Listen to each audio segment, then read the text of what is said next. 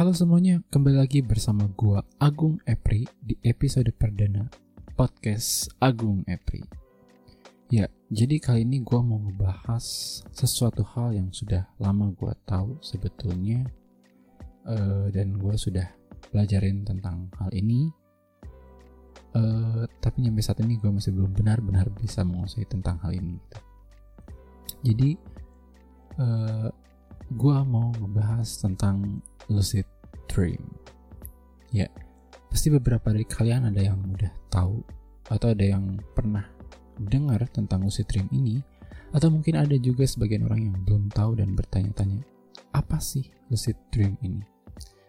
Uh, sebelumnya gue mau disclaimer dulu nih ya. Jadi uh, segala hal yang gue omongin di sini adalah berdasarkan pandangan gue, berdasarkan uh, pengetahuan gue tentang hal ini gitu. Jadi mungkin bisa aja salah. Jadi buat yang belum tahu, gue jelasin sedikit. Jadi uh, lucid dream atau dalam bahasa Indonesia mimpi sadar adalah sebuah mimpi ketika seseorang sadar bahwa ia sedang bermimpi. Jadi ketika kita berada di dunia mimpi, tapi kita sadar bahwa kita sedang bermimpi. Nah, dan istilah ini dicetuskan pertama kali oleh seorang psikiater dan penulis berkebangsaan Belanda. Itu adalah Fredrik van Eden. Uh, jadi ketika mimpi sadar kata si uh, Fredrik ini, si pemimpi mampu berpartisipasi secara aktif dan mengubah pengalaman imajinasi dalam dunia mimpinya. Dan mimpi sadar dapat terlihat nyata dan jelas. Nah, dan ngomong-ngomong tentang lucid dreaming, uh, itu artinya kita akan ngomongin soal mimpi ya. Dan kalau misalnya soal mimpi, gue jelasin sedikit. Banyak orang yang beranggapan bahwa mimpi itu berhubungan dengan hal gaib lah, berhubungan dengan pertanda lah. Misalnya uh, kita mimpi didatengin sama orang yang meninggal Katanya itu artinya orang yang meninggal tersebut minta dikirimi doa. Dan menurut gue ini kurang tepat ya. Karena sepengetahuan gue, mimpi mimpi itu adalah sebuah pro, proyeksi dari alam bawah sadar lo. Jadi uh, segala sesuatu hal yang lihat di mimpi lo, mulai dari orang-orang, lingkungan, uh, objek objek-objek dan segala hal itu adalah semuanya uh, pro proyeksi dari alam bawah sadar lo. Gue pernah baca uh, dari beberapa artikel yang menjelaskan tentang mimpi. Jadi ini ada beberapa para ahli yang berpendapat mimpi adalah pengalaman bawah sadar yang melibatkan penglihatan, pendengaran, pikiran, perasaan atau indera lainnya dalam tidur. Nah, dan uh, ada teori lain itu dari teori Freud. Uh, teori Freud ini setuju dengan makna penglihatan dalam mimpi merupakan penampakan dari hasrat dan emosi yang tersembunyi. Dan beberapa teori lain menunjukkan bahwa mimpi merupakan tahap pembentukan memori, penyelesaian masalah, atau sekedar produk dari aktivitas otak. Which is uh, semua pendapat tersebut tidak ada yang salah dan tidak ada yang benar karena semuanya uh, berdasarkan dari pendapat masing-masing gitu. Ya gue lebih setuju tadi gitu. Yang tadi gue sampaikan bahwa mimpi itu adalah sebuah proyeksi alam bawah sadar kita. Jadi segala sesuatu hal yang kita dilihat dalam mimpi itu adalah uh, proyeksi alam bawah sadar kita. Tidak ada kaitannya dengan hal goib tidak ada kaitannya dengan hal mistis. Uh, dan tidak ada kaitannya dengan orang-orang yang meninggal tentunya. Orang meninggal yang meninggal aja. Dan kecuali kalau misalnya mimpinya datangnya dari Tuhan ya itu beda lagi ceritanya. Dan gue nggak mau menyinggung soal itu. Hmm. ya dan kita balik lagi ke bahasan lucid dream kita. Nah uh, Anyway, jadi gue dulu pertama kali tahu tentang lucid dream ini adalah dari, dari salah seorang salah satu seorang youtuber. Jadi di videonya dia ngebahas tentang lucid dream. Dan dia ngebahas panjang lebar tentang lucid dream ini. Dan dari bahasanya itu gue jadi tertarik akan lucid dream. Nah hingga pada akhirnya gue searching di Google tentang lucid dream ini nah dan dari sini gue masih hanya sekedar nyari-nyari informasi tentang lucid dream. Uh, tentang apa itu lucid dream kemudian apa manfaatnya kemudian bagaimana supaya kita bisa masuk. Uh, maksud gue supaya kita bisa uh, melakukan lucid dream di dalam mimpi kita hingga pada ada sebuah bahasan yang membahas uh, beberapa film tentang lucid dream. Dan salah satunya adalah film Inception mungkin dari beberapa kalian mungkin ada yang udah pernah nonton atau dengar film Inception ini. Dan uh, film kayak Christopher Nolan ini film yang sangat luar biasa menurut gue film yang ngebuat gue sangat-sangat terobsesi untuk bisa melakukan lucid dream di mimpi gue uh, ya walaupun di beberapa artikel gue pernah baca bahwa uh, lucid dreaming sangat dibesar-besarkan dalam film-film science fiction. Uh, salah satunya di film Inception ini. Tapi by the way uh, walaupun seperti itu gue tetap uh, berkata bahwa Inception adalah salah satu film yang sangat-sangat luar biasa. Uh, kalau misalnya uh, menurut artikel tersebut lucid dreaming sangat dibesar-besarkan ya mungkin itu karena kebutuhan film aja gitu. Makanya dibuatlah seperti itu dibuatlah alur yang seperti itu. Dibuatlah adegan-adegan yang seperti itu gitu. Tapi terlepas dari itu gue tetap uh, sangat-sangat uh, sangat-sangat ambisius sangat-sangat terobsesi untuk bisa melakukan lucid dreaming ini. Salah satunya ketika gue setelah menonton film Inception ini gitu. Uh, by the way ngomong-ngomong tentang lucid dreaming uh, atau lucid dream uh, kalau misalnya ditanya kenapa gue tertarik akan hal ini sejujurnya gue juga bingung kenapa gue tertarik dengan lucid dream ini. Uh, cuman maksud gue adalah uh, kenapa gue tertarik? Ya tertarik aja. Ketika lo tidur kemudian terus lo mimpi dan di mimpi lo lo bisa uh, mengatur semuanya gitu. Lo bisa mengubah uh, lo bisa mengubah apa pun yang ada di dalam mimpi lo lo bisa ikut andil di dalam mimpi lo lo bisa mengubah lingkungan sekitar lo lo bisa mengubah objek dari mimpi lo dan menurut gue itu adalah hal-hal yang sangat menarik gitu.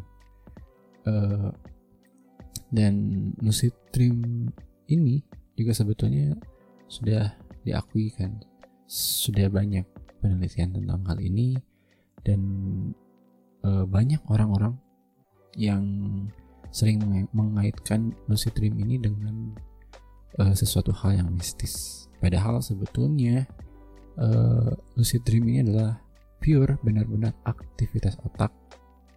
Karena lucid dream ini ya ya dia, dia mimpi gitu. Cuman bedanya uh, lo sadar akan uh, mimpi ini dan lo uh, karena lo sadar lo bisa mengatur uh, apa yang ada di mimpi lo gitu. Dan uh, lucid dream sendiri sebetulnya sudah sangat umum terjadi. Yang gue tahu uh, sudah uh, sangat umum terjadi di Brazil. Jadi dulu di Brazil itu ada sebuah penelitian yang melibatkan 3.427 peserta dengan rata-rata berusia 25 tahun. Dan hasil survei dari penelitian tersebut menunjukkan bahwa 77% eh, responden pernah mengalami lucid dream setidaknya sekali dalam hidupnya. Itu artinya lucid dream adalah memang sebuah hal yang biasa, sebuah hal yang pure uh, aktivitas mimpi, aktivitas otak, cuman bedanya uh, lo sadar akan mimpi tersebut dan lo bertahan di mimpi tersebut dan lo mengubah apa yang lo bisa ubah di mimpi tersebut gitu. Uh, ya dan ngomong-ngomong soal lucid dream, lucid dream juga sebetulnya bukan tidak ada manfaatnya gitu. Uh, manfaat lucid dream banyak yang gue tahu. Uh, beberapa di antaranya adalah lucid dream dapat dijadikan menjadi terapi dan ini dilakukan oleh seorang peneliti langsung dari University of Adelaide, Australia. Jadi seorang peneliti Dr. Denholm Aspey mengungkapkan bahwa mimpi sadar dapat menjadi terapi untuk mengatasi mimpi buruk, terutama mimpi buruk yang berulang, yang dapat memengaruhi, memengaruhi kualitas hidup seseorang. Nah, bisa kita bayangkan ya kalau misalnya orang sering mimpi buruk, pasti uh, ketika mimpi dia tidak nyaman, ketika dia tidur dia tidak nyaman gitu. Dan dengan lucid dream ini uh, dapat mengatasi hal tersebut gitu. Dan uh, terapi ini disebut dengan terapi lucid dream. Terapi ini dapat memberi kemampuan untuk melakukan kontrol atas diri sendiri maupun mimpi buruk yang dialami dan selain itu terapi mimpi ini dapat juga membantu untuk meredakan meredakan penderita fobia jadi untuk beberapa orang yang takut atau yang memiliki fobia mungkin bisa melakukan terapi dengan lucid dreaming ini. Dan selain dapat mengurangi mimpi buruk, lucid dream juga memiliki beberapa manfaat, yaitu membantu meredakan kecemasan, meningkatkan keterampilan motorik, dan meningkatkan kreativitas. Walaupun eh, katanya, walaupun katanya meski hal ini belum dibuktikan oleh sains, tapi banyak orang menggunakan lucid dream untuk mempertajam kreativitasnya. Uh, dan uh, mimpi sadar ini ya atau lucid dream sebetulnya banyak metodenya. Uh, kalau misalnya buat kalian yang penasaran bisa searching aja di Google uh, tentang gimana sih caranya lucid dream ini. Uh, jadi uh, di sini gue mau ngasih tahu beberapa metode. Uh, ada metode yang namanya mimpi sadar akibat mimpi. Jadi ketika lo mimpi, lo sadar akan hal itu gitu. Itu adalah Dream Initiated Lucid Dream atau DIAL. Berawal sebagai mimpi biasa dan si pemimpi langsung menyimpulkan bahwa ia sedang bermimpi. Nah, kemudian ada juga metode lain dan metode yang kedua ini adalah mimpi sadar akibat terjaga itu adalah wake initiated lucid dream atau wild. Terjadi ketika si pemimpi pindah dari keadaan terjaga biasa ke keadaan mimpi tanpa mengalami ketidaksadaran. Dan lucid dreaming ini telah diteliti ya secara ilmiah dan keberadaannya sudah diakui gitu. Uh, kalau misalnya gue ya, kalau misalnya gue uh, melakukan lucid dream, emang gue nggak setiap tidur kemudian gue melakukan lucid dream gue terus terang belum se gue belum seahli itu gitu tapi biasanya gue melakukan reality check dan dan ini pun tidak setiap kali mimpi gue bisa makan reality check. Ada sebuah kondisi di mana gue tiba-tiba melakukan reality check. Dan biasanya kondisi ketika gue sedang terancam, kondisi gue sedang dikejar misalnya, atau kondisi-kondisi terancam lainnya biasanya gue tahu bahwa ada sesuatu hal yang aneh nih. Dan gue langsung melakukan reality check. Biasanya eh, orang-orang yang melakukan reality check itu tidak akan bisa uh, hari ini ah gue besok mau dalam mimpi gue gue mau melakukan reality check. Nah biasanya nggak bisa seperti itu. Biasanya reality, reality check juga uh, dilatih terus menerus gue sendiri. Kalau nggak salah gue sebulan lebih terus melakukan reality check di dunia nyata hingga akhirnya di dunia mimpi gue bisa melakukan hal ini gitu. Ya, dan ngomong-ngomong soal reality check nih ya, dari tadi gue ngomongin reality check tapi gue belum jelasin. Jadi reality check itu adalah sebuah teknik, sebuah teknik sederhana yang membantu yang membantu lo untuk memastikan apakah lo sedang mimpi atau tidak. Karena sangat sulit untuk membedakan mana mimpi, mana yang tidak. E, karena biasanya dalam mimpi kita, kita tidak tahu awal dari cerita mimpi itu. Biasanya kita langsung berada di tengah-tengah mimpi dan mengikuti alur cerita yang begitu saja. Nah, dan di sinilah fungsinya reality check, memastikan apakah kita sedang bermimpi atau tidak. Nah, dan banyak sebetulnya uh, reality check reality check yang bisa kita uh, lakuin mulai dari uh, menggunakan badan maksudnya menggunakan anggota tubuh seperti tangan ataupun kaki ataupun kepala atau apa pun itu uh, atau dengan bernafas, waktu, melompat, terbang, tangan, membaca dan lain-lain. Nah, kalau gue sendiri gue lebih uh, suka atau gue lebih prefer dengan menggunakan reality check dengan tangan gue. Di dalam mimpi gue biasanya uh, bukan dalam mimpi gue saja sih. Biasanya gue ketika sadar di dalam dunia nyata pun biasanya gue melakukan reality check dan ketika reality, reality check gue lakukan berulang-ulang otomatis uh, kebiasaan itu akan terbawa dalam mimpi. Dan biasanya reality check yang gue lakukan adalah dengan menekan telapak tangan gue dengan ujung-ujung jari gue yang satunya.